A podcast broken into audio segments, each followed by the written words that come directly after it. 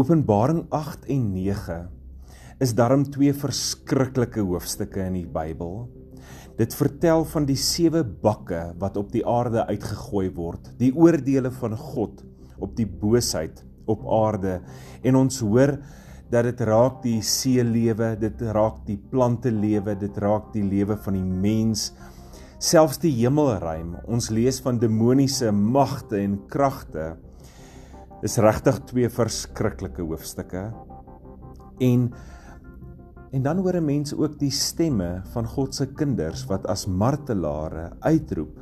Dink as hier by hoofstuk 6 rond van Openbaring waar daar gevra word wanneer gaan die Here dinge regstel? Wanneer gaan die Here antwoord? En jy voel ook partykeer seker met jou gebede, hoor die Here regtig?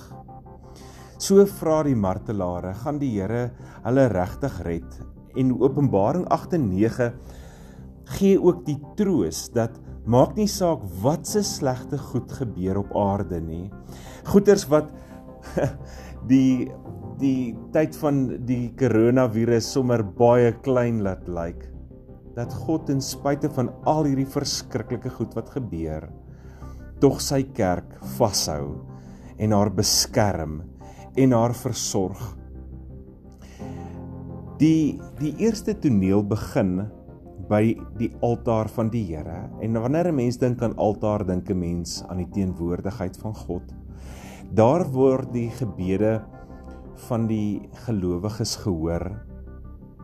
En dan is dit so mooi, die engel daar by die altaar, hy ontvang 'n klomp wierook.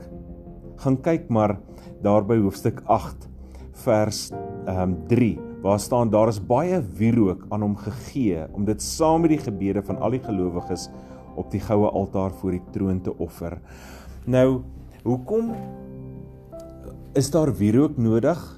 Ehm um, saam met die gebede, dit laat 'n mens bietjie dink aan die Ou Testament, nê, waar die kole gemeng is met wierook daar in die tabernakel en by die tempel sodat daar 'n aangename geur was wanneer hierdie wierook gebrand word voor die voor die voorhangsel, voor die verbondsark, daar waar die teenwoordigheid van die Here is.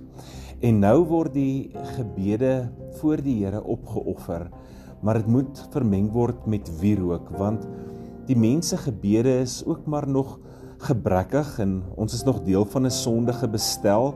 Maar hoe wonderlik Ons hoef nie ons gebede aanvaarbaar te maak vir God nie. Hy doen dit self. Hy verskaf die wierook sodat ons gebede 'n aangename geur is.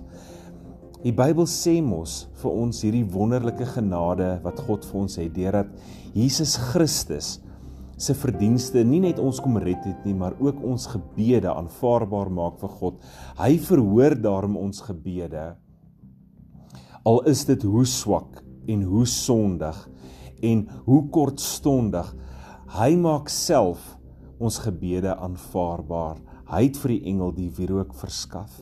En teen die einde van Openbaring 9 sien ons weer die altaar en sien ons dat God sy eer kom herstel deur sy oordeel en dat hy geregtigheid laat geskied soos wat die kerk bid op aarde soos haar Here haar ook geleer het om te bid toe hy gesê het bid laat u koninkryk kom.